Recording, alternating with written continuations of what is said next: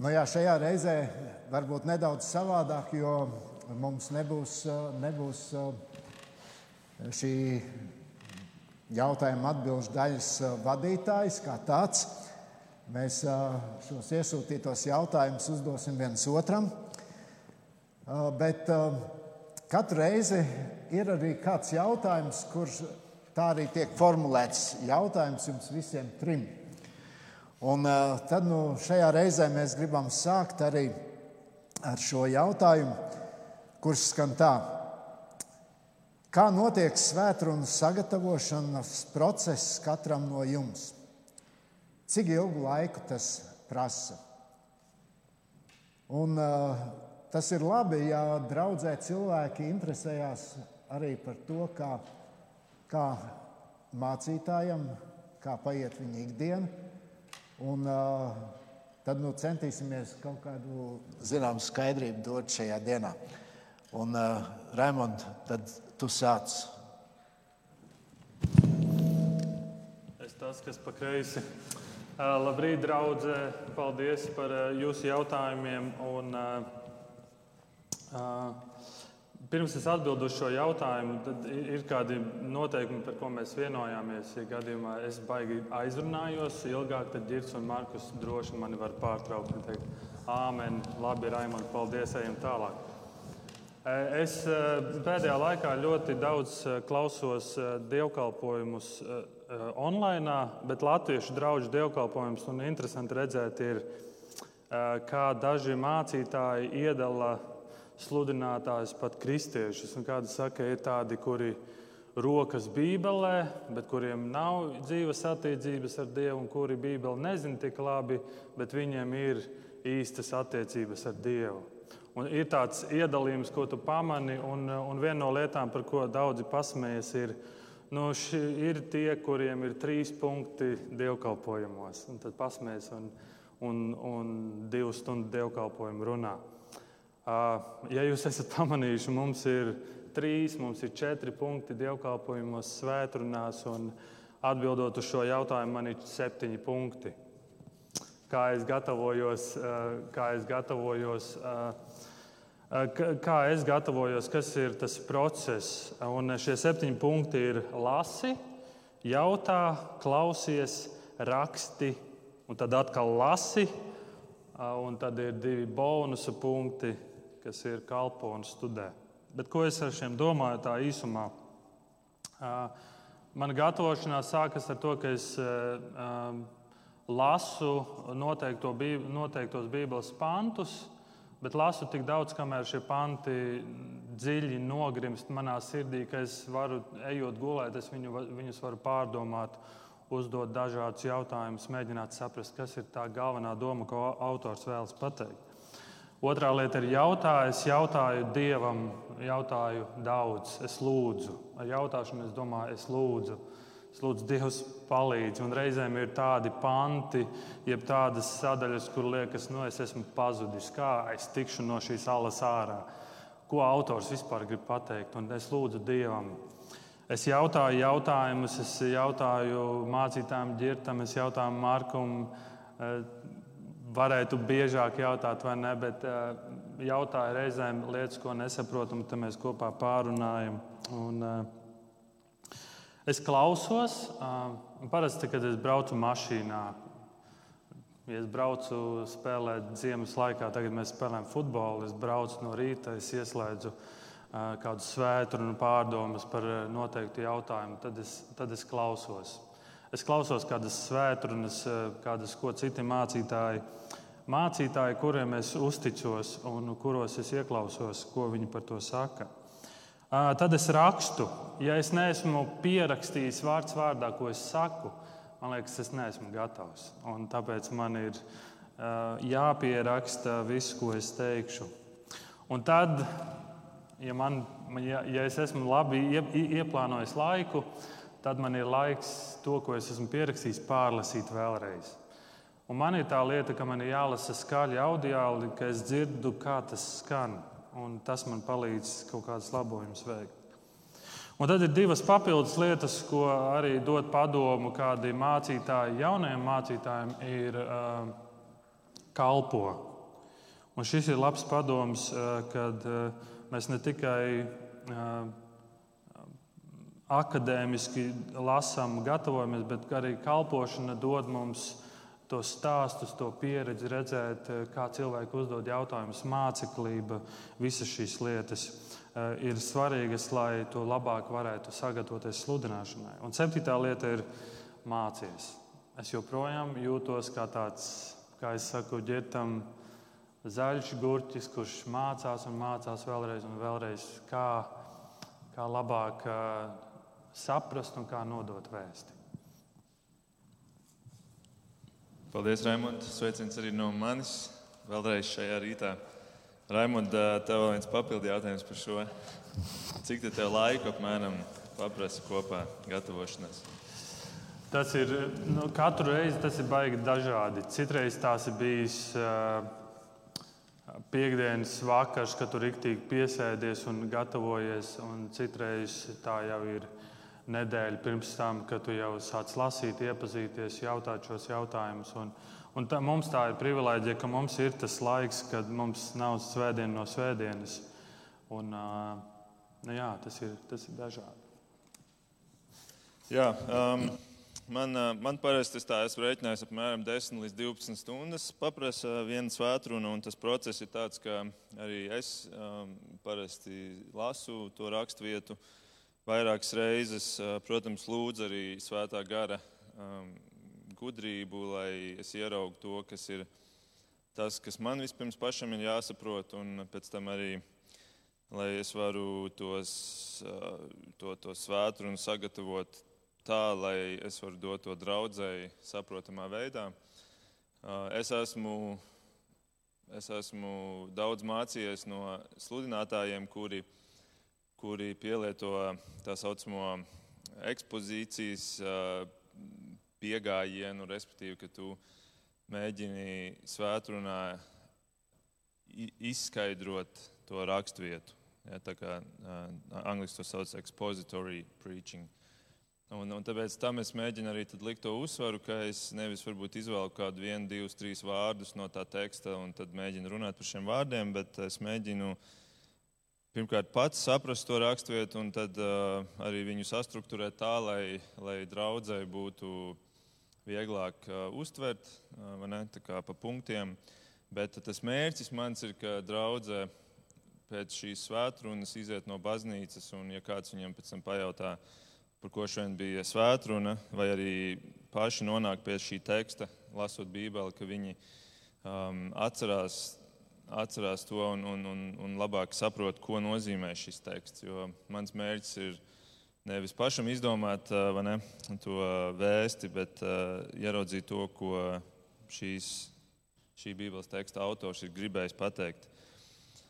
Un tad tajā procesā es arī klausos dažādus sludinātājus, kuriem es uzticos, kuriem, par kuriem es esmu drošs, ka viņi Bībeli tur um, augstā cieņā, ka viņi tic, ka tas ir Dieva vārds, nevis varbūt um, cilvēku sarakstīts vārds. Un tad es izlasu arī parasti ap kaut kādiem 20, 30, 40 komentāriem, izmantojot uh, internetā pieejams resursus, kur ir apkopoti komentāri par uh, konkrēto Bībeles tekstu. Un tas arī ļoti palīdz, jo tur ir, tur ir uh, dzīvi cilvēki, miruši cilvēki, kuri jau sen ir jau gadsimtus eh, miruši un kuri atkal no kāda cita varbūt skatu punkta ieraug šo tekstu.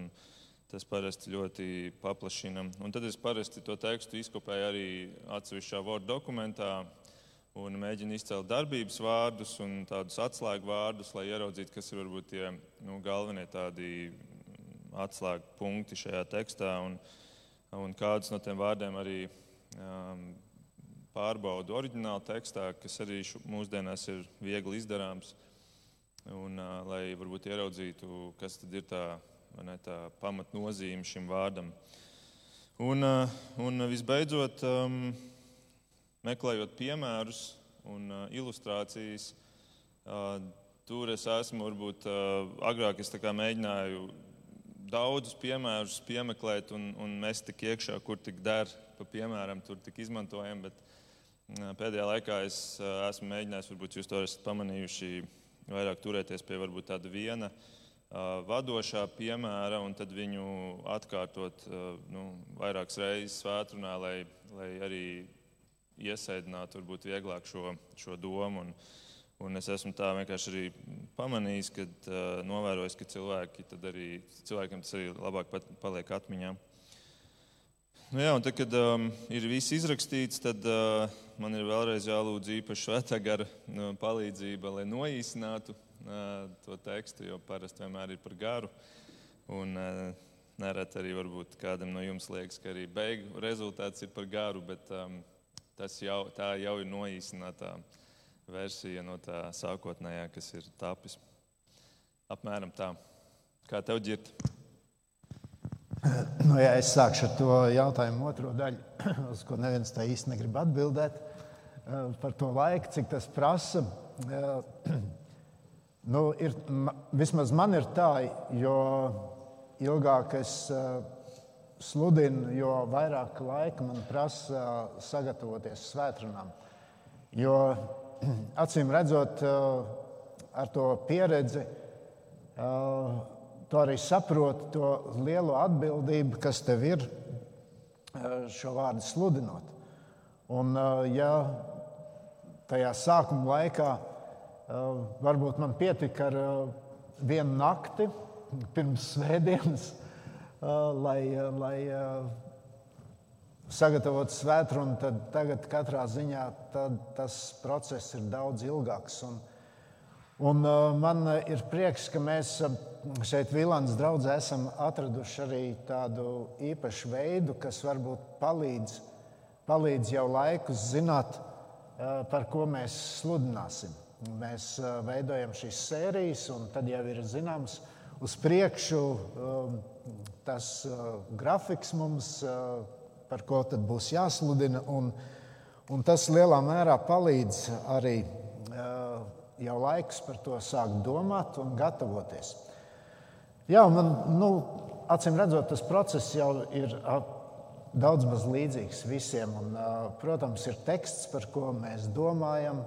Arī es domāju, to pārdo, pārlasot neskaitāmas reizes, mēģinot atrast uh, kādas atslēgas vārdus šajā tekstā, lasot arī paralēlās raksturvietas, kuras mūs aizved varbūt uh, nedaudz plašāk un nedaudz dziļāk tajā. Uh, un, un tā pamazām tā svētuma veidojās no tādiem, sākumā varbūt no tādiem atsevišķiem fragmentiņiem, kur beigās tiek salikt kopā. Un, vismaz man personīgi ir diezgan grūti svētdienu uzrakstīt, sēžot pie rakstām galda. Uh, es mīlu domāt uh, par tekstu, esot kustībā. Kādreiz tas bija, kad es riņķoju pa istabu, tur traucējot sievai un bērniem varbūt. Tagad esmu atradis tādu labu veidu, ejot garās pastaigās. Mīnus ir tas, ka tu nevienmēr vari tās domas pierakstīt, bet atnākot mājās, es cenšos to visu likt uz papīra. Protams, arī klausos svētrunas. Mana norma, ko es esmu sev uzstādījis, ir vismaz trīs svētrunas nedēļā, ko es noklausos no citiem kas uh, uh, sludina. Un, uh, bieži vien, varbūt, kad jau tā tēma un virziens ir skaidrs, es cenšos arī noklausīties kādu svētdienu par to tēmu, par ko man ir jāsludina.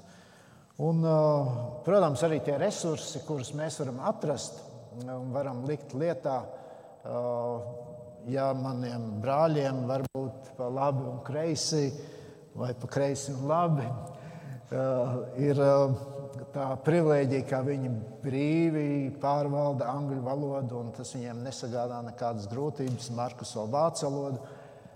Es vairāk izmantoju resursus Krievijas valodā, kuri arī ir pieejami diezgan daudz un, un plaši un labi.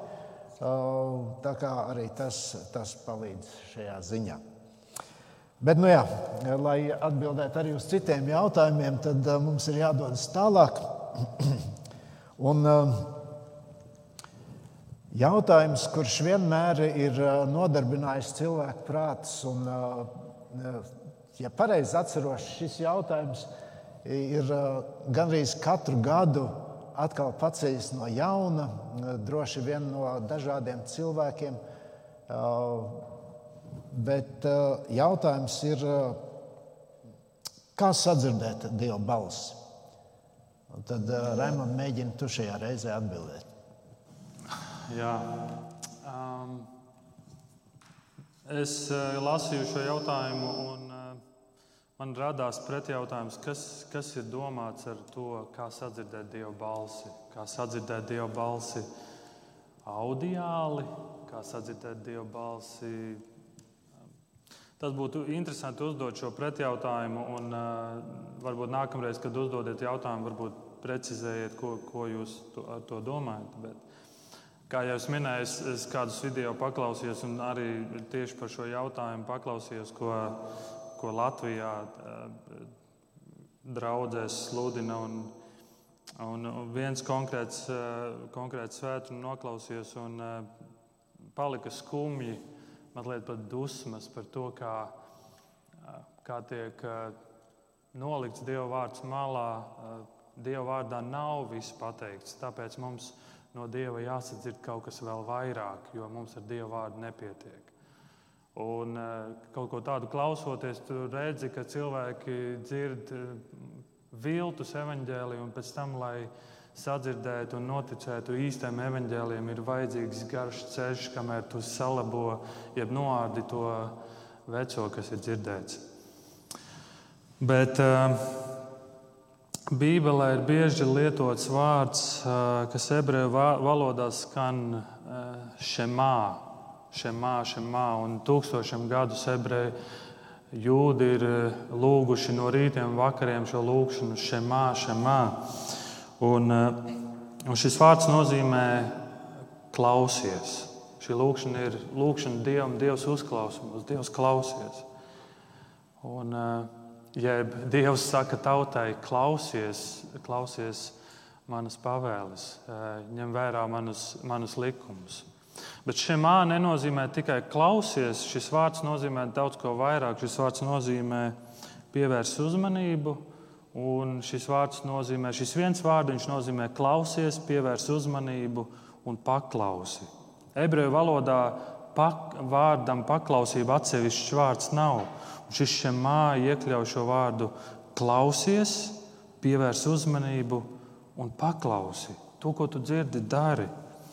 Un, eh, un no dieva skatījuma šis, šis, šis vārds nozīmē, tad, kad tu dzirdi manu, manu, manu vārdu, tad, kad tu dzirdi manu balsi, tad paklausi.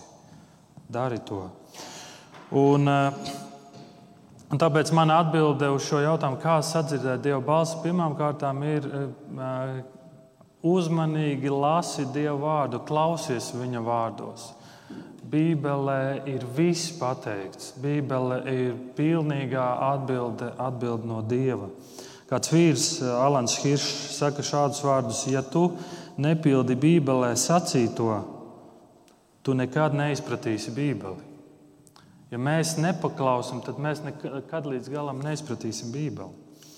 Un tāpēc aicinājums ir studēt to, lūdz, lai Dievs uzrunā tevi un, un atklāj tās bagātības, kas ir Bībelē. Un vēstulē ebrejiem pirmajā nodaļā Pirmais pants sākas ar šādiem vārdiem: Dievs senlaikos daudzkārt un dažādi caur praviešiem runāja uz tēviem, bet šajās pēdējās dienās viņš ir runājis uz mums caur dēlu. Dievs ir licis viņu visam par mantinieku, caur viņu arī radījis visu pasauli. Un, un senos laikos Dievs ir runājis balsī, Dievs ir runājis caur, caur dažādiem praviešiem, bet tagad viņš visu ir pateicis caur savu dēlu Jēzu Kristu. Un, un, un mums, mums ar to pietiek. Bībele ir noslēgts kanons. Mums tas ir perfekts, bez kļūdas. Mums ar to pietiek. Un, ja mēs sakām, man ar to nepietiek, es gribu sadzirdēt vēl kaut ko vairāk, tad mēs jau varam iekļūt bīstamos ūdeņos. Un, Bet, bet, ja man vajag gudrību, tad, tad ko man darīt? Kā man, kā man sadzirdēt šo dieva padomu, dieva prātu, jeb dieva balsi citādākos veidos? Un tāpēc ir Dievs, ir draudzene, kad mēs varam lūgt gudrību viens otram, mēs varam aizlūgt viens par otru, mēs varam uh, lūgt padomu no brāļiem, māsām, no kādiem, kuriem mēs uzticamies, kādu skaidrojumu un, un, uh, un, un ņemt to vērā. Un arī, kad mēs lūdzam gud, gudrību no Dieva, jēkab vēstulē rakstīts, ja tev trūks gudrības, lūdz, un Dievs dod bez pārmetumiem. Un Dievs dod gudrību, Dievs dod norādījumus un Dievs palīdz. Un e, nobeigšu šo ar to, ko saka Čārlis Spērģents. Protams, Spērģents. Es maz uzticos tiem cilvēkiem, kuri runā par to, ka viņiem ir tiešas atklāsmes no tā kunga. It kā viņš būtu parādījies citādi, nevis ar evaņģēlijas starpniecību. Viņa vārds ir tik pilns, tik ideāls, ka dievam sniegt jums vai man svaigu atklāsmi ir pilnīgi lieki. Tā rīkoties nozīmētu negodīgu attieksmi pret šī vārda pilnību. Viss, ko Dievs ir pateicis, ir, ir, ir viņa vārdā, bet jautājums, vai es gribu klausīties, un ja es sadzirdu, un ja es redzu, ko Dievs man saka, vai es esmu gatavs tam paklausīt. No tā.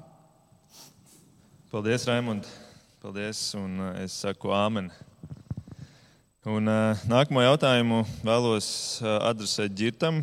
Šis jautājums varbūt pat ir, varētu noteikti daudz piekrist, ir aktuālākais jautājums varbūt šajā laikā, un, un tas ir par bēdīgi slaveno Covid-19.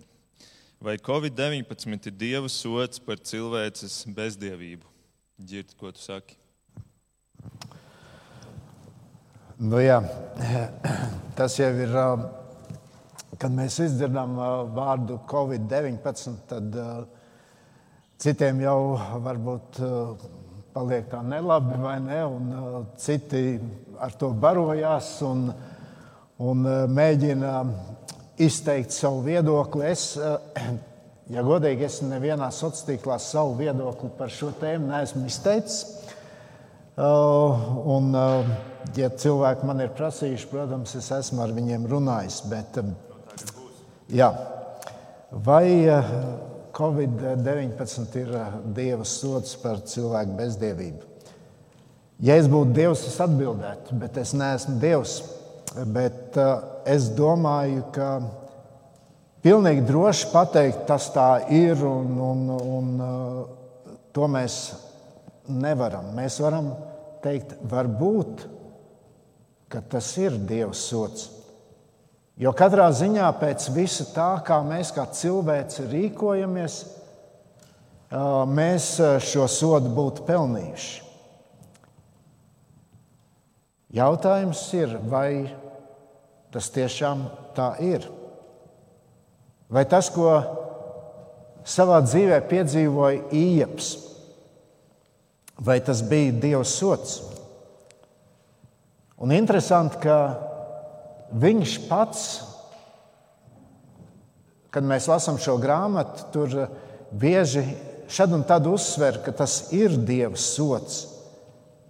Bet, eh, ja mēs izlasām visu šo grāmatu un padomājam dziļāk, tad eh, redzam, ka caur visu to Dievs pierāda, ka Viņš tomēr joprojām valda un cik bezspēcīgs ir Sātans, kurā valdījumā ir nodota šī pasaule uh, iepratī dievam. Uh, un vēl viena lieta, tad, kad mēs uzdodam šādu jautājumu, ir svarīgi šādā situācijā vispirms pārbaudīt sevi. Tā to darīja Ieps. Varbūt eh, ar šo situāciju Dievs kaut kādā veidā un no kaut kā mani aptur. Un, ziniet, ir jau, ir jau arī tā, ka daudzās lietās mēs jau kā cilvēki paši esam vainīgi, vai ne?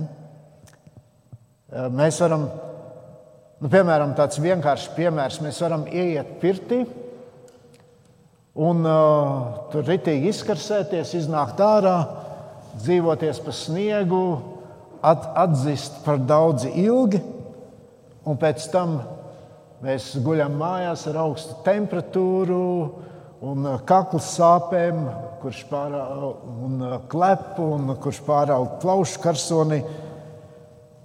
Kas pie tā ir vainīgs? Vai Dievs kaut kādā veidā būs soda? Es domāju, ka nē, mēs paši esam vainīgi. Ja es gribētu pamatot šo lietu arī Bībelē, tad es vēlos izlasīt no Jāņa evanģēlīja 9. nodaļas, pirmos trīs pantus, kur skan tā, garām ielams viņš ieraudzīja cilvēku, kas bija akls kopš dzimšanas. Un mācekļi viņam jautāja, jautāja rabi, kurš ir grēkojis, viņš pats vai viņa vecāki, ka viņš piedzimis akls. Jēzus atbildēja, nedz šis ir grēkojis, nedz viņa vecāki, bet tas ir tādēļ, lai viņā atklātos Dieva darbi kurš ir vainīgs. Un ja mēs šo jautājumu uzstādām paši sev, tad uh, katrā ziņā Dievs mums uh, jebkurā gadījumā kādas lietas atgādinās. Kādus gadus atpakaļ es uh,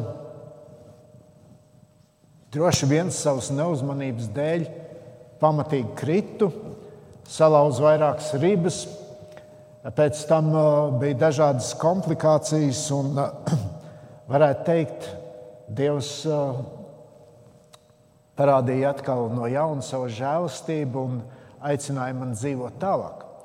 Bet vai man, man katrā ziņā nenāca prātā vainot un teikt, tas Dievs ir sots par kaut ko manā dzīvēm.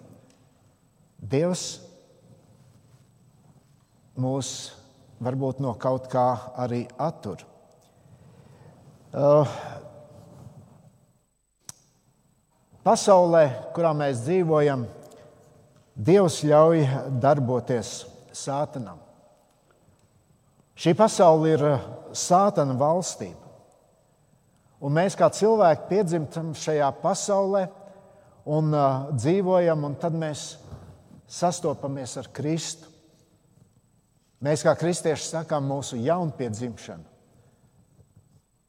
Mēs piedzimstam no jauna, dzīvojot jau šajā grēcīgajā pasaulē. Un varētu teikt, tā nabas saite vēl joprojām mums nav pārgriezta. Mēs dzīvojam šeit, pasaulē, bet tajā pašā laikā mēs esam kā kristieši piedzimuši, piedzimuši Dieva valstībai. Un mēs dzīvojam šajā pasaulē, kur valda grēks, un mēs par to esam pelnījuši sodu. Vai uh, Dieva sots ir arī šis Covid-19? Varbūt. Bet katrā ziņā, ja mēs katrs sev personīgi šo jautājumu uzstādām, tad uh, tā atbilde droši vien būs pavisam citāda.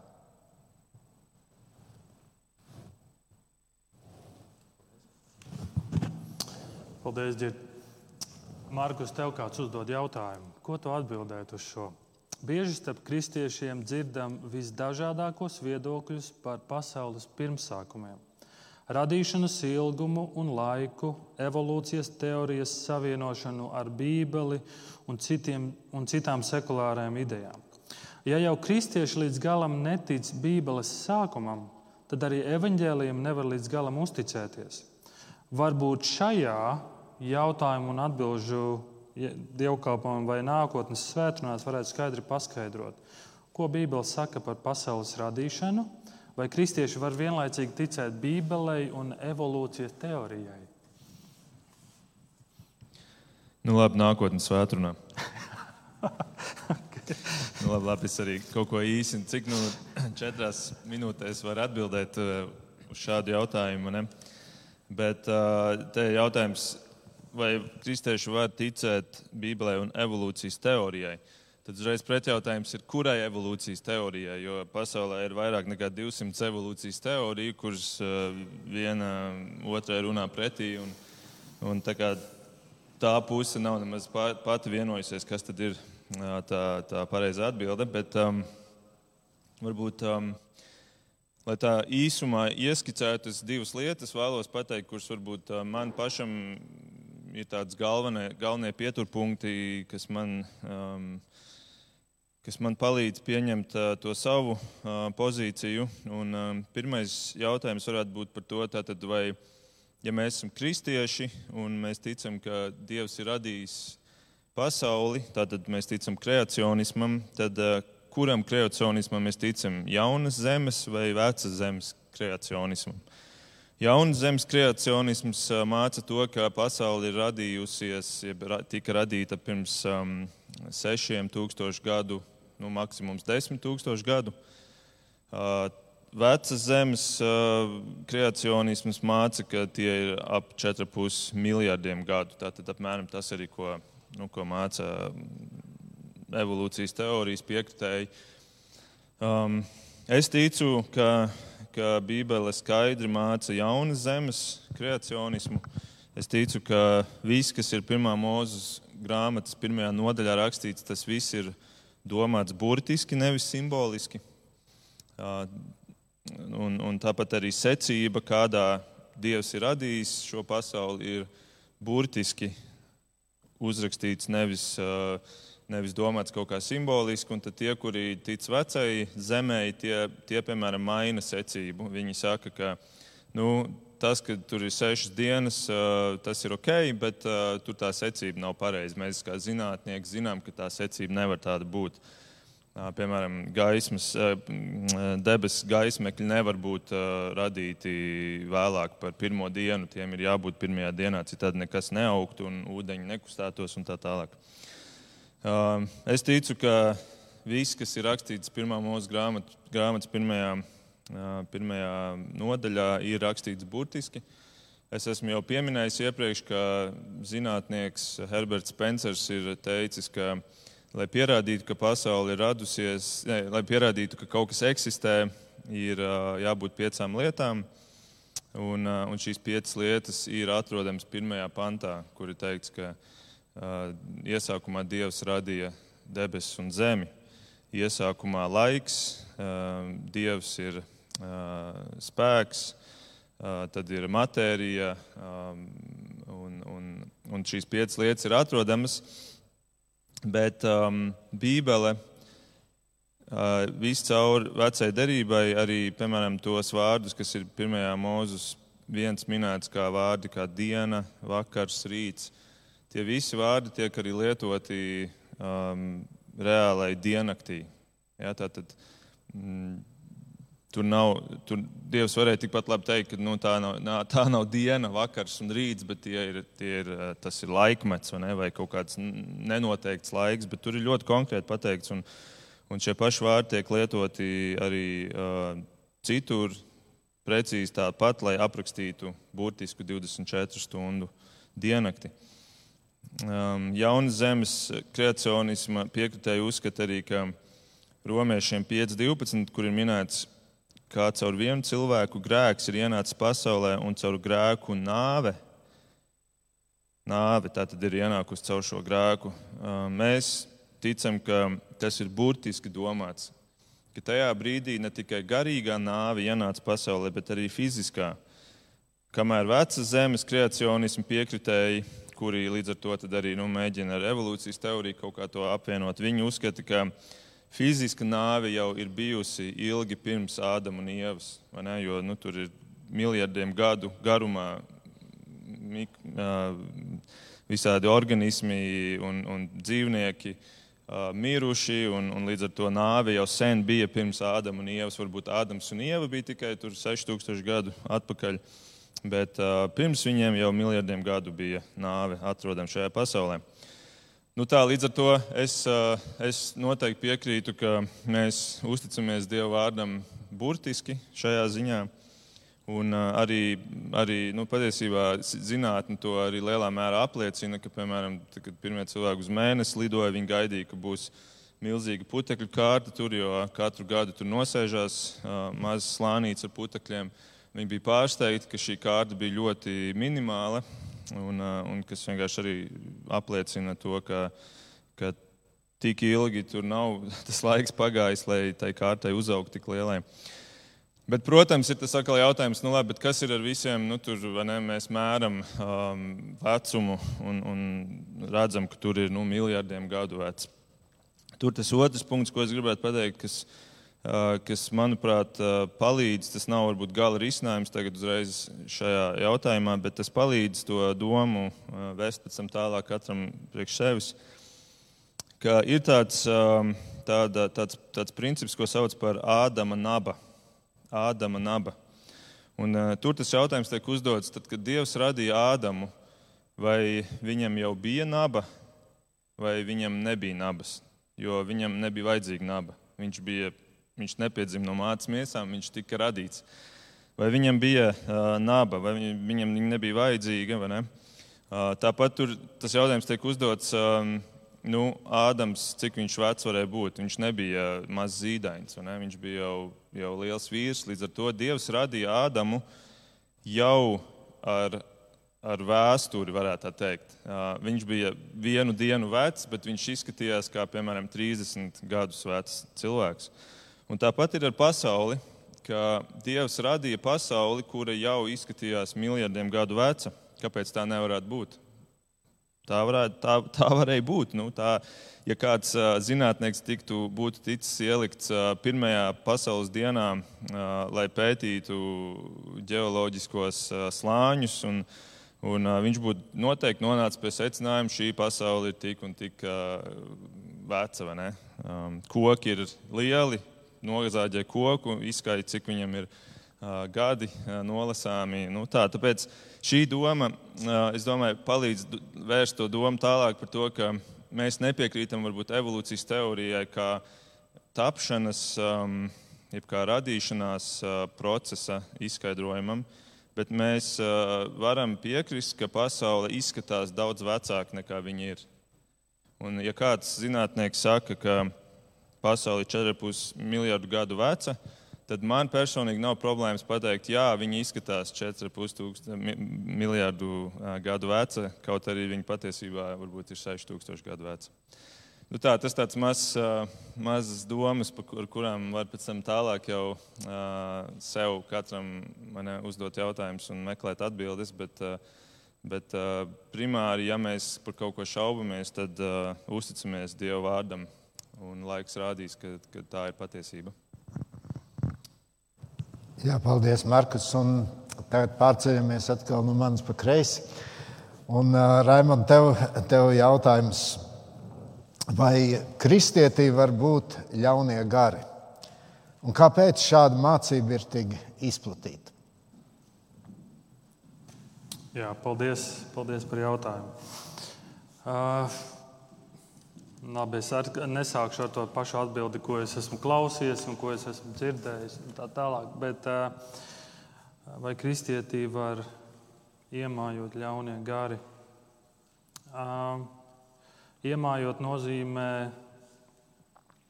ka šis ļaunais gars var tevi daļēji kontrolēt, runāt šī cilvēka vietā, rādīt ilūzijas par apkārtējo pasauli, okultas lietas un, un, un, vēl, un vēl citas lietas. Un, un eh, Mātejā 12. nodaļā, 43. līdz 45. pāns mēs lasām, kad nešķīstais gars no cilvēka ir izgājis, tas apstaigā izkautušas vietas, meklējams mieru, bet neatrod. Tad tas saka, es atgriezīšos savā mājoklī, no kura izgāju un atnācis viņš atrod to brīvu, izslaucītu un uzpostu. Tad viņš iet un ņem sev līdzi septiņus citus garus, par sevi ļaunākus un iegājuši tie tur mājo. Un beigās šim cilvēkam kļūst daudz ļaunāk nekā bija sākumā. Tā notiks arī šai ļaunajai paudzei. Tad, ja, ja, ja cilvēkā nemājo Kristus, ja cilvēka atgriešanās nav bijusi patiesa, bet tikai šī atgriešanās ir bijusi, lai nezinu, risinātu kaut kādas problēmas savai dzīvei, vajag jaunu mērķi un tā tālāk, tad ir iespējams, ka šādā cilvēkā ienāk tie paši dēmoni. Un, un šeit Bībele saka, ka ar šo cilvēku pēc tam kļūst ļaunāk. Bet, ja tava atgriešanās ir īsta un patiesa, Par dēmoniem mazliet ir, ir patiesībā, lasot vēsturi, tur redzi dažādos gadsimtos, kā dažādas baznīcas, kā katoļu baznīca ir likusi uzsvaru uz dēmonu izdzīšanu un ko viņi ir darījuši. Pat jūdi savā laikā ir nodarbojušies ar, centušies izdzīt dēmonus, un, un tas nav bijis pārāk veiksmīgi. Dēmons, dēmoni ir gudri. Viņiem ir spēks, viņiem ir spēks. Un, un tā nav tāda vienkārša lieta, eh, ko tu vari izdarīt. Un dēmons ir kritušais eņģelis, un, un, dēmon, eh, un eh, eņģelis ar vienu vēzienu. Otrā ķēniņa 19. rakstīts, ar vienu vēzienu spēja nogalināt 185,000 kareivus. Tur ir spēks, tur ir vara. Un, un, Tāpēc tā demonu izdzīšana nav bijis viegls uzdevums. Bet tad atnāk Jēzus. Un tad mēs lasām, kas notiek, kad atnāk Jēzus, kā demoni reaģē. Viņi brēc, viņi krīt viņa priekšā un viņi lūdzās. Vai jūs atceraties to notikumu cūkās? Viņi lūdzās, vai mēs varam iet cūkās. Un, un Jēzus ir tas, kas dod viņiem šo, šo atļauju. Viņi redz, Jēzus varu. Un ja es esmu kristietis, kurā mājo Kristus, kurā mājo Kristus svētais gars, tad svētais gars un dēmons nevar būt vienā un tajā pašā ķermenī. Tāpēc atbilde, vai kristietī spēja mājot dēmons? Nē, tajā, tajā cilvēkā, kurš ir patiesi atgriezies, pieņēmis Kristus savā sirdī, tas, tas, tas, tas nav iespējams. Un, uh, Kāpēc tāda mācība tiek tik, tik izplatīta? Un kā jau es eh, minēju, dažādos gadsimtos, dažādos laikos šī mācība ir bijusi izplatīta. Bet, bet iespējams, šis cilvēks, kurš jautā šo jautājumu, viņš ir dzirdējis daudz par to, kā ir veselas kustības, kas saka, ka viņi ir kristieši. Māca to un praktizē to, ka tagad no, nu, mēs no kristiešiem dzīsim ļaunos garus ārā. Un, katra, katrs iemesls, katra, katra kļūda, bez mazliet, nu, tas ir tas dēmons vai tas ir tas dēmons. Visur nosauc dēmonus, un tagad dzīsim un tīrīsim draugu ārā un tā tālāk. Un tas ir patiesībā arī dēmona darbs. Greiza sabojāts evaņģēlijas, greiza mācība. Un kas, un ko tas rada? Tas sabojā uh, šo mācību, un cilvēks sāk noticēt. Tas, ko es jau minēju, pēc tam, lai cilvēks tiktu no tā ārā, tas ir garš ceļš, tur ir bailes, tur ir neziņa, tur ir paļaušanās uz saviem darbiem. Nu, tagad man jādara tas un tas, un tad es būšu glābts. Un glābšanas darbs un vispār evaņģēlijs ir sagrozīts. Un, un tas ir iemesls, un, un Bībele arī saka, ka būs tādi laiki, kad mācība būs sagrozīta. Un, Un, un es domāju, tas ir arī, arī tas iemesls. Bet Bībele saka, ka Dievs mums dod savus eņģeļus, kas mūs sargā. Draudz, es gribu, lai mēs dzirdam, Dievs dod mums savus eņģeļus, kas mūs sargā. Un Dievs dod mums pats sevi. Mums ir svētais gars, kurš ir mūsos, kurš sargā mūs. Un, un Efeziešiem rakstīts, tāpēc bruņosimies ar Dieva ieročiem, lai, lai atvairītu vēl ļaunās bultas. Un, un, Ebrejiem 1,14, Psalms 34, 7, pāns, 91, psalms un romiešiem 8. nodaļa. Tik spēcīgi vārdi izlasi un, un tici un paļaujies. Un, un rekur ir bīstamība, kad tu dzirdi, kad sludinātājs saka, ka Bībele nav pietiekama, mums vajag vēl atklāsmu vairāk no Dieva, vienkārši bēdz no tādiem sludinātājiem. Jo tas tevi ieved tajā, kad es vairs nevaru izlasīt, uzticēties uz izlasīto, bet man vēl, un tad es saklausos visu kaut ko citu, un tad uh, es iedzīvojos lielās, lielās nepatikšanās. Nu, tāds mans īsais skaidrojums par šo. Paldies par īso un sirsnīgo skaidrojumu. Varēja redzēt, ka nāk no sirds. Um, ģirt, es tomēr vēl gribu atgriezties pie tā Covid-19. tu esi īstais cilvēks šim jautājumam atkal. Um, jautājums ir par to, kā kristiešiem reaģēt uz jauno Covid-19 vakcīnu. Jā, jā, vakcīnu. Saskaros ar ļoti radikāliem viedokļiem par šo lietu un meklēju īsto atbildi. Tā skaitā dzirdu arī viedokli, ka šī pandēmija ir beigu laiku sākums un vakcīna jau sāk tikt pielīdzināta zvēra zīmei 666.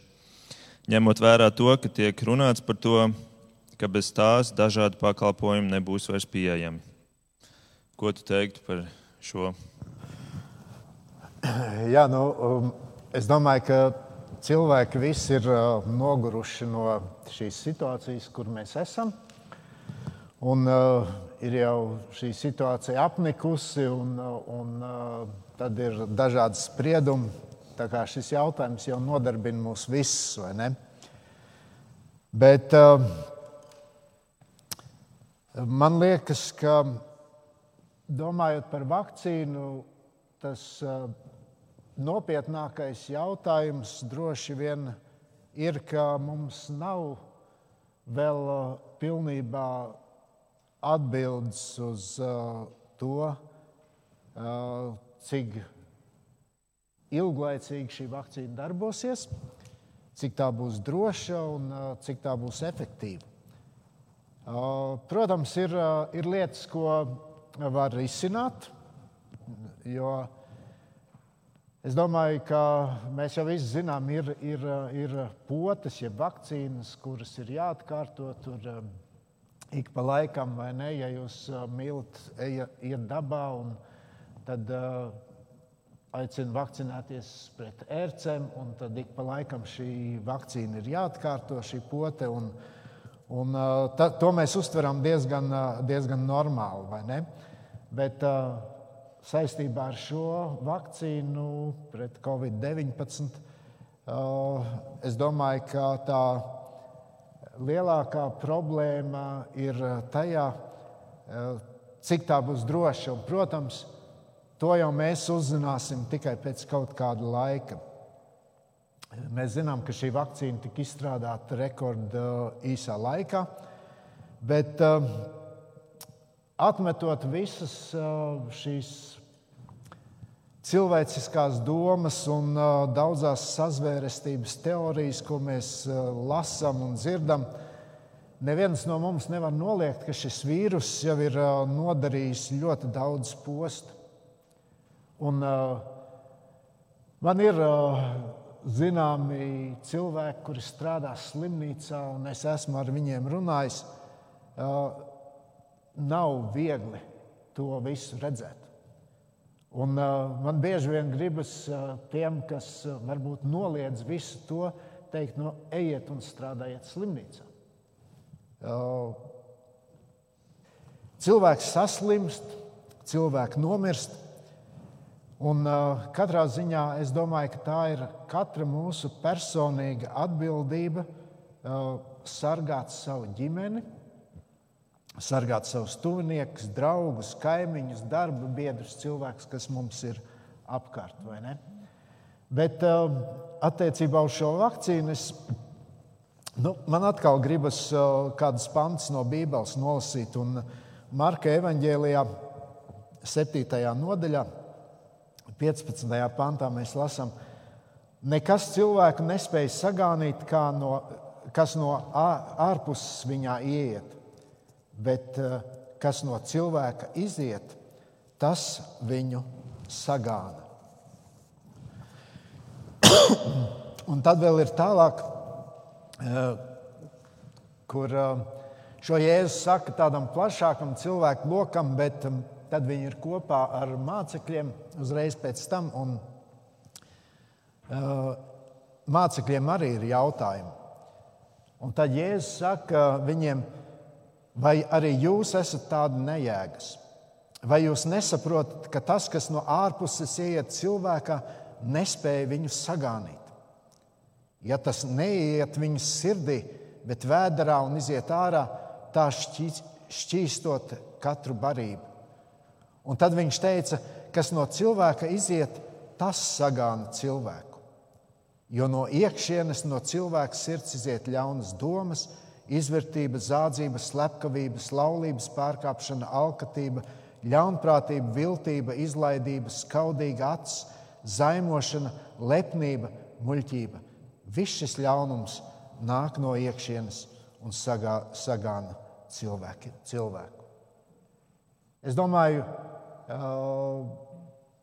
šos pašus vārdus mēs varam diezgan droši attiecināt arī uz to, labi, mēs šo devu, ja vakcīnas devu nesaņemam caur muti, bet tā tiek ievadīta mums muskulī.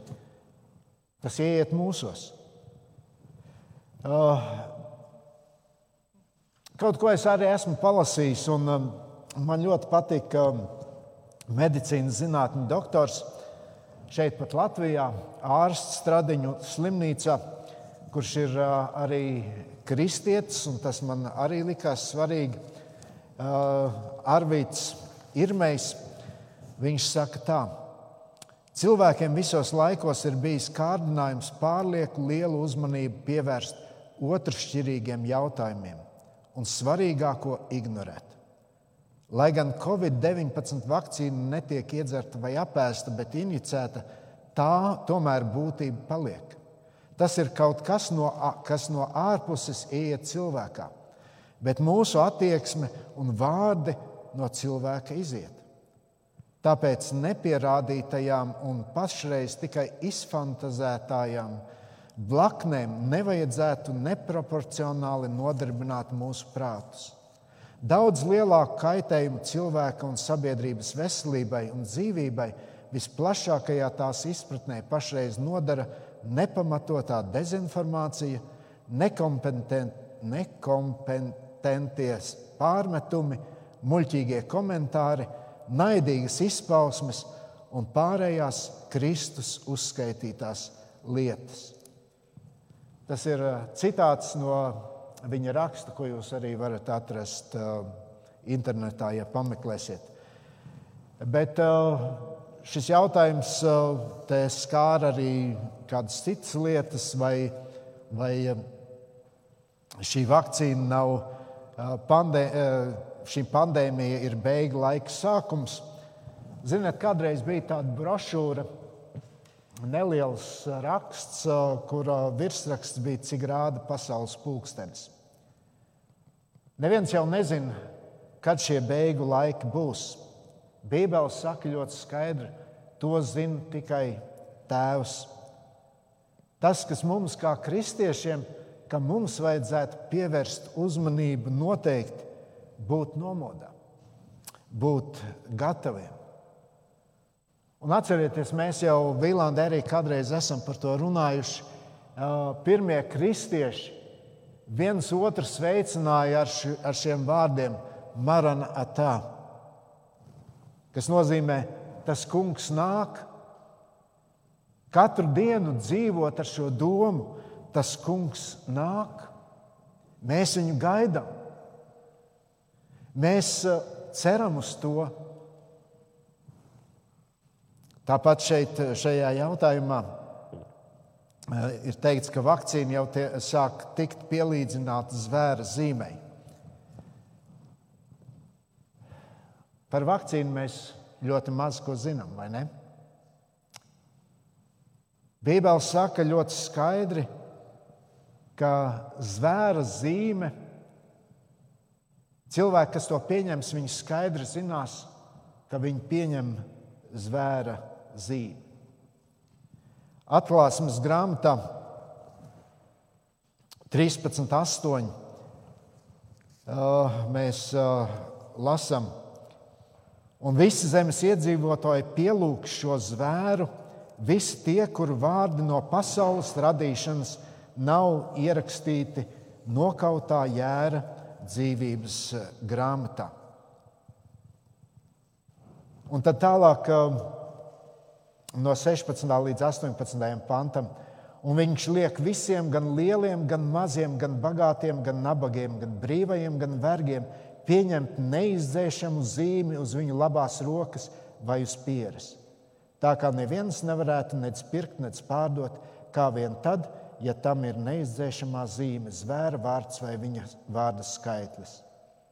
Šeit ir gudrība, kam ir prāts, lai izrēķina zvēra skaitli, jo tas ir cilvēka skaitlis, un šis skaitlis ir 666.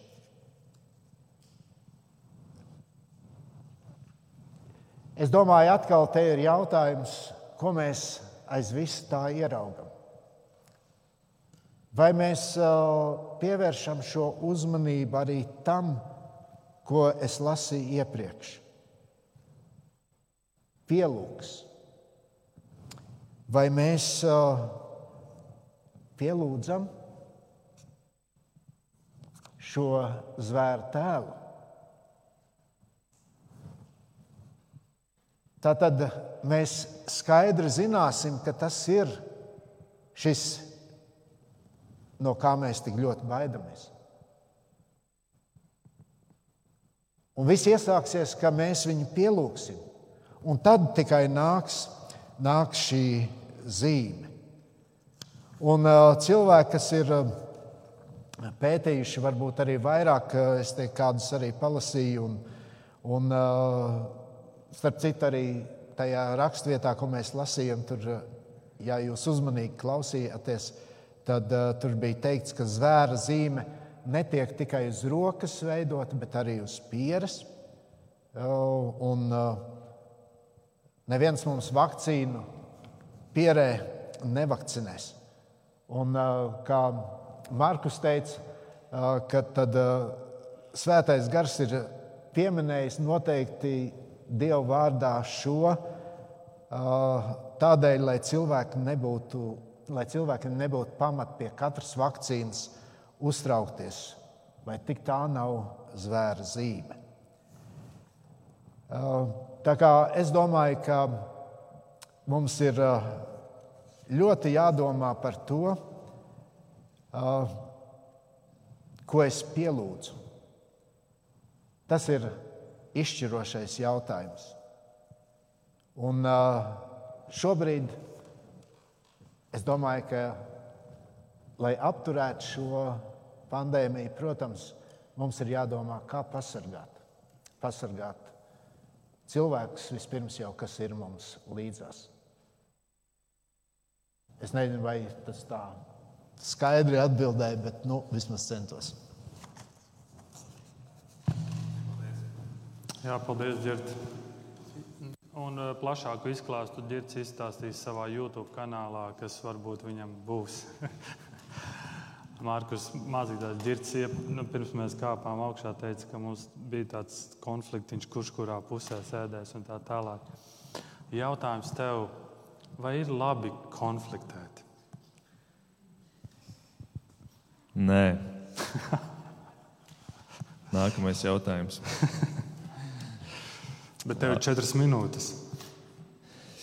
Jā, es uh, priecājos, ka ģērbts iepriekšējo jautājumu mazliet tā izsmeļošāk atbildēja. Es mēģināšu šo jautājumu īsāk paņemt. Un, um, patiesībā atbilde ir nē un jā.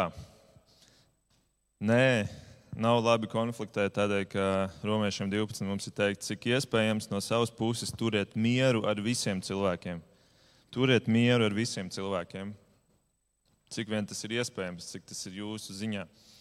Un, un vai mums ir dots miers, kuru mēs spējam varbūt turēt un, un meklēt katrā dzīves situācijā ar katru cilvēku? Atbildi ir jā, jo Jēzus pats atnesa šo mieru un atstāja mums, kristiešiem. Jāņa 14. viņš saka, es jums atstāju mieru, savu mieru, nevis tikai kaut kādu mieru, bet savu mieru es jums dodu. Es dodu jums ne tā, kā pasaule dod. Tātad mums, kristiešiem, ir atstāts Jēzus miers. Un Jēzus miers ir kaut kas fenomenāls, kaut kas neiedomājams, kaut kas, kas viņu izveda cauri um, briesmīgākajiem notikumiem, kas ir bijuši šajā pasaulē. Un tas miers ir atstāts mums, un līdz ar to mums nav attaisnojuma um, doties konfliktā ar, ar, ar cilvēkiem. Un patiesībā es pat iet soli tālāk, es teiktu, tas, vai tu konfliktē, parāda, par, parāda to, vai tevī ir Kristus miers.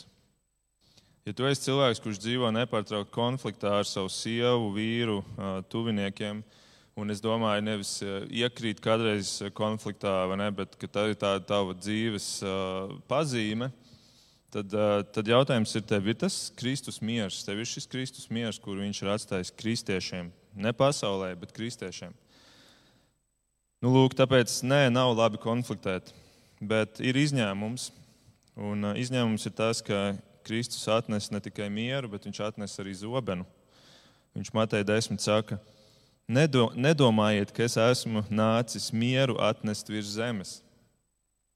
Es neesmu nācis atnest mieru, bet zobenu. Kāds varbūt teiks, hei, te ir pretruna, redz, Bībele nav patiesa, viņai ir pretruns. Nē, ieklausieties, tur ir teikts, es, nē, es esmu nācis, nedomājiet, ka es esmu nācis mieru atnest virs zemes. Viņš nav nācis atnest mieru virs zemes, viņš ir nācis atnest mieru kur? Kristiešos, cilvēkos. Tur viņš ir viņu atstājis. Un virs zemes nebūs miera tādēļ, ka cilvēkiem nepatīk Kristus vēsts. Un tādēļ ir pieļaujams konfliktēt, ja mēs, nu, mēs varētu runāt par to, kas vispār ir konflikts, bet bet būt nemierā ar cilvēkiem tad, ja jautājums ir par Dievu. Ja mūsu izvēle ir paklausīt Dievam vairāk nekā cilvēkiem, un tādēļ šie cilvēki ir nemierā ar mums. Tas ir izņēmums. Līdz ar to cilvēcisku iemeslu dēļ mums ir jāmeklē miers, bet dievišķu iemeslu dēļ mēs varam nonākt konfliktā. Un uh, tad atliek vēl katram viens jautājums. Raimond, uh, es nezinu, vai jums svētdienas skolā bija jāmācās bauši no galvas. Uh, kad es biju jauns, tad mēs mācījāmies. Vecāka, pavisam vecāka gadu gājuma cilvēki atceras, ka viņiem skolā droši vien bija jāmācās baušļi. Bet uh, Jautājums ir tāds, vai kristiešiem ir jāievēro vecās derības bauslība? Um, atbilde - jā un nē. Nākamais jautājums. Uh, es, es ieteiktu noklausīties uh, Vīlandes svētdienas sēriju, kur mēs, mums bija šī sērija par Jēzus varu. Un tad vienā no dievkalpojumiem no svētdienām. Arī Mārkus par šo daudz izklāstītāk runāja. Un, un ir, ir trīs veidu likumi, kādus Dievs ir devis. Un, tas ir ceremoniālais, tad tie ir likumi priesteriem, tautai par attīrīšanos, kā pielūgt, kā templī notiek lietas un kādus svētkus svinēt. Tas ir ceremoniālais likums, ko Dievs deva savai tautai. Tad ir civilais likums, kas attiecas uz Izraēlu kā tautu.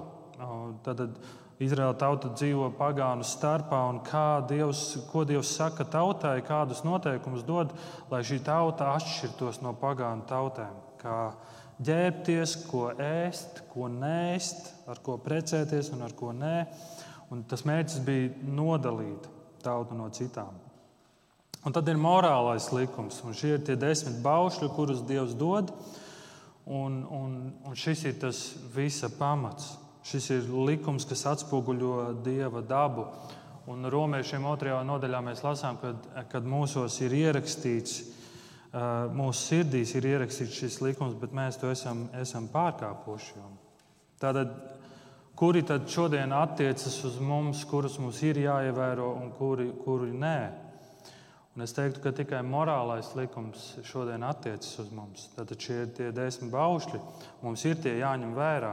Jo, kad Jēzus nomirst pie krusta, viņš pieliek punktu ceremoniālajam un civilajam likumam. Jēzus tagad ir mūsu augstais priesteris. Jēzus tagad ir mūsu ķēniņš. Mēs šodien dzīvojam jaunu dzīvi garā. Mūsu attīrīšanās vairs nav caur upuriem, caur buļļiem, bet caur Dieva dēla asinīm.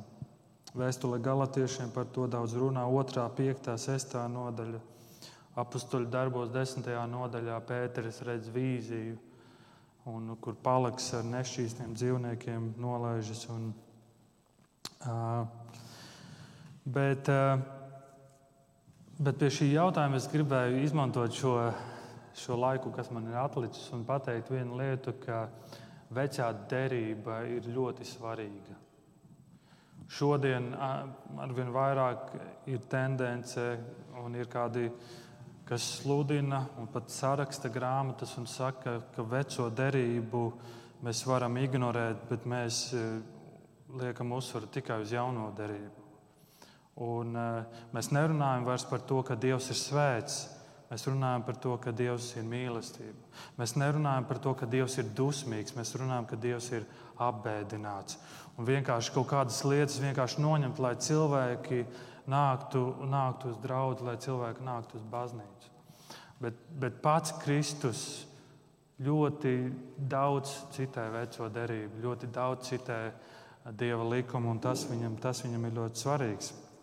Piemēram, 5. mūzes grāmatas 6. nodaļa, 7. pants. Piekodini tos, no 5. panta. Mīli kungu savu Dievu ar visu sirdi, visu dvēseli un visu spēku, lai šie vārdi, ko es tev šodien pavēlu, ir tev sirdī. Piekodini tos saviem dēliem, runā uz tiem, kad tu sēdi savā namā, kad tu ej pa ceļu, kad tu gulies un kad tu celies.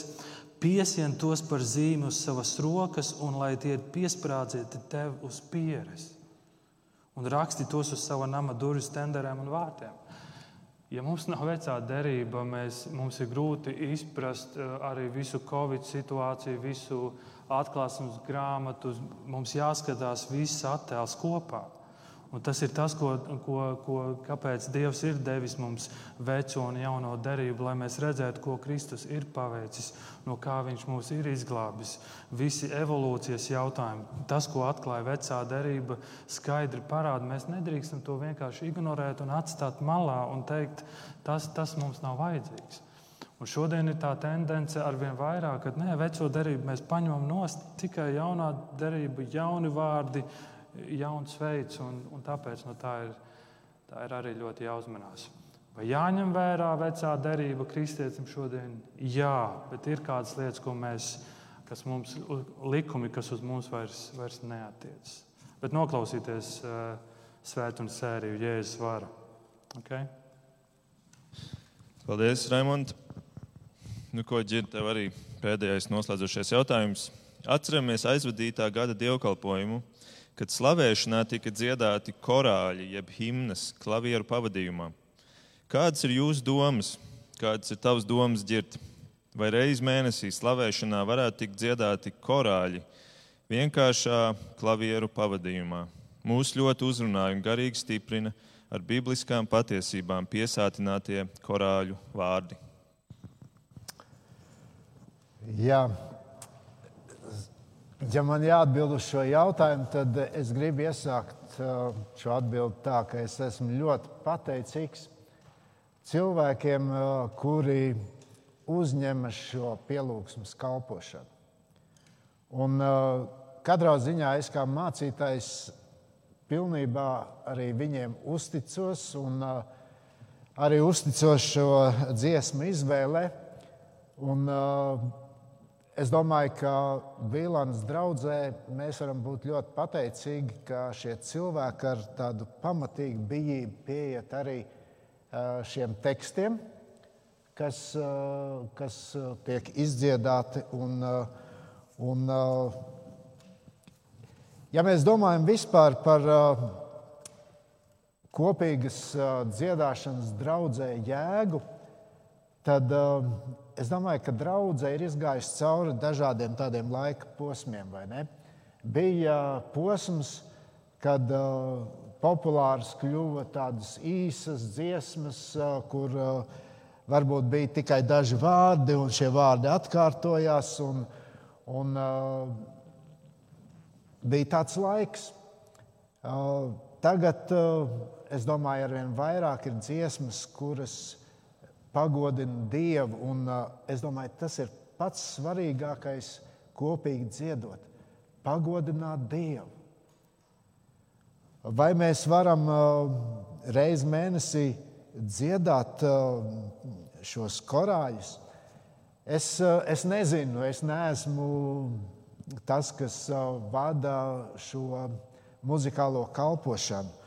Droši vien, ja jūs tā nu, iedziļinātos un varbūt pačekot līdzi, paskatītos, tad Vīlandē diezgan daudz korāļu tomēr tiek dziedāti. Un,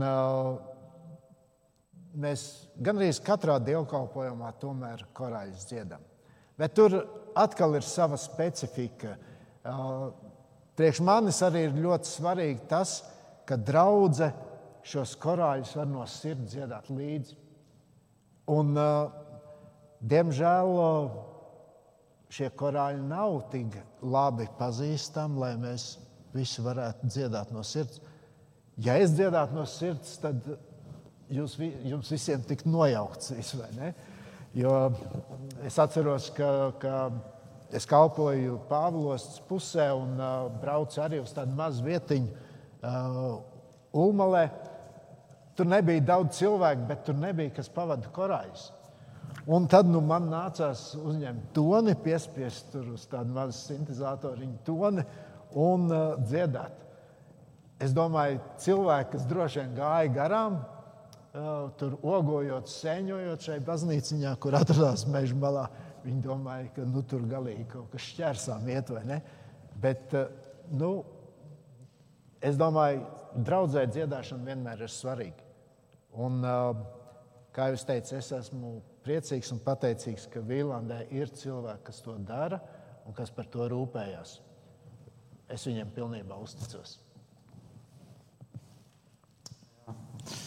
Paldies, Džiet. Man tikko ideja radās, kā būtu, ja uz kādu Vīlandes gada dienu mēs varētu atcerēties, kā tas bija, kad tu padod toni uz simtiņu, un, un, un tad visi draugi varētu.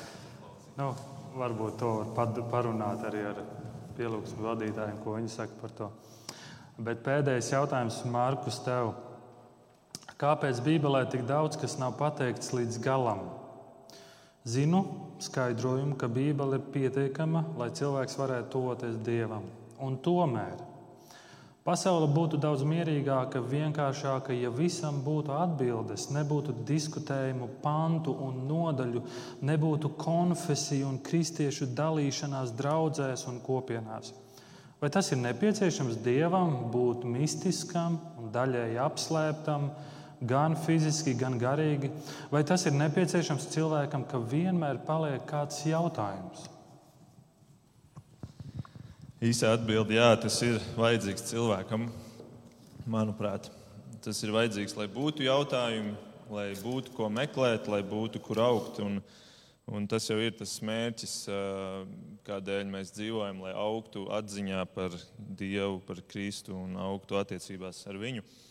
Es domāju, to varētu tā salīdzināt ar attiecībām ar cilvēkiem. Tas nav pilnīgs uh, piemērs, un, un, un tāpēc uh, nepārmetiet man. Uh, Bet, um, bet nu, to varētu salīdzināt varbūt, ar attiecībām ar cilvēkiem. Ka, piemēram, mēs par viens otru zinām lietas dažādās pakāpēs. Tad mēs zinām, ir tādi acīm redzami fakti. Ja, mēs redzam, ka katram tam, tam cilvēkam ir savs dzimums, sava rase, jā, ādas krāsa. Tie ir tādi acīm redzami fakti. Bet tad ir nākamā pakāpe, kas ir eh, fakti, kuri nav varbūt uzreiz acīm redzami, bet kuri ir jāmeklē, jānovēro rūpīgāk un, un kurus tu vari konstatēt uh, tikai tad, kad tu tā jau nu, kādu laiciņu pavadi ar šo cilvēku. Kā piemēram, kādi ir viņa hobiji, kas ir viņu nezinu, iemīļotākie ēdieni un tā tālāk. Un tad ir vēl trešā pakāpe, kas jau ir tāda nu, jau diezgan apslēpta un, un, un pakāpe, kur viņa mēs varētu teikt, nu, tas pat ir miglā tīts, tādas īpašības, ja, kā piemēram um, cilvēka pacietības līmenis, lēnprātības līmenis un tā tālāk. Ko, tās lietas, kuras tu vari redzēt tikai tad, ja tu tiešām jau dzīvo ar šo cilvēku kopā, um, ka tu esi tur, kur ir fasāde nojaukta un, un kur tu pazīsti šo cilvēku varbūt dienas dienā. Un es gribētu teikt, ka ar Dievu ir līdzīgi. Ir, ir tādas skaidrās lietas, kas ir simtprocentīgi skaidri pateiktas Bībelē, kuras mēs zinām par Dievu. Tad ir tādas pusskaidrās un ir tādas miglātītās. Un, un eh, tas viss ir eh, labi, jo, piemēram, cilvēki jau ir interesanti mums tieši tādēļ, ka mēs viņus nepazīstam uzreiz pa visiem simt procentiem. Ja es savu sievu uzreiz pazītu pa simt procentiem, tad mana visa atlikusī dzīve būtu daudz garlaicīgāka nekā tā ir tagad. Un, uh, un, un tas ir labi, ka arī Dieva, uh, par Dievu nav viss acīm redzams un uzreiz zināms. Jo tad mēs vienkārši nedomātu par viņu, nemeklētu viņu, mums nebūtu šādi jautājumi, atbildžu dievkalpojumi, nebūtu vajadzīgi. Mēs katrs vienkārši izlasītu Bībeli un noliktu to plauktā un dzīvot tālāk savu dzīvi. Tāpēc es domāju, ka tas ir apzināti. Un, ja tu gribi Dievu tiešām iepazīt pa visiem simt procentiem, tur, kur vairs nav nekāda noslēpuma, nav vairs nekas miglātīts, te ir tikai viens ceļš.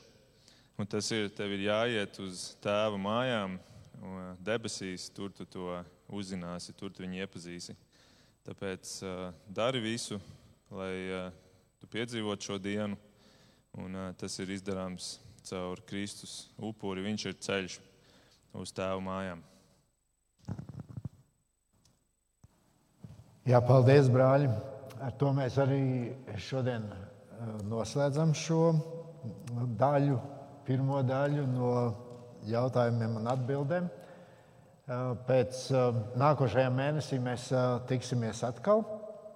Un, lai, lai debes Tēvs nu, arī palīdz un lieto šo, šīs atbildes, kuras varējām sniegt. Un es ceru, ka tas kādam no mums arī palīdzēs. Es aicinu, ka mēs noslēdzam ar lūkšanu, tad vēl dziedam kopīgi dziesmu. Debes Tēvs, paldies Tev, ka Tu esi tik labs un paldies, ka dzīvojot šajā pasaulē, mums ir šie jautājumi. Un mēs uh, varam meklēt šīs, šīs atbildes.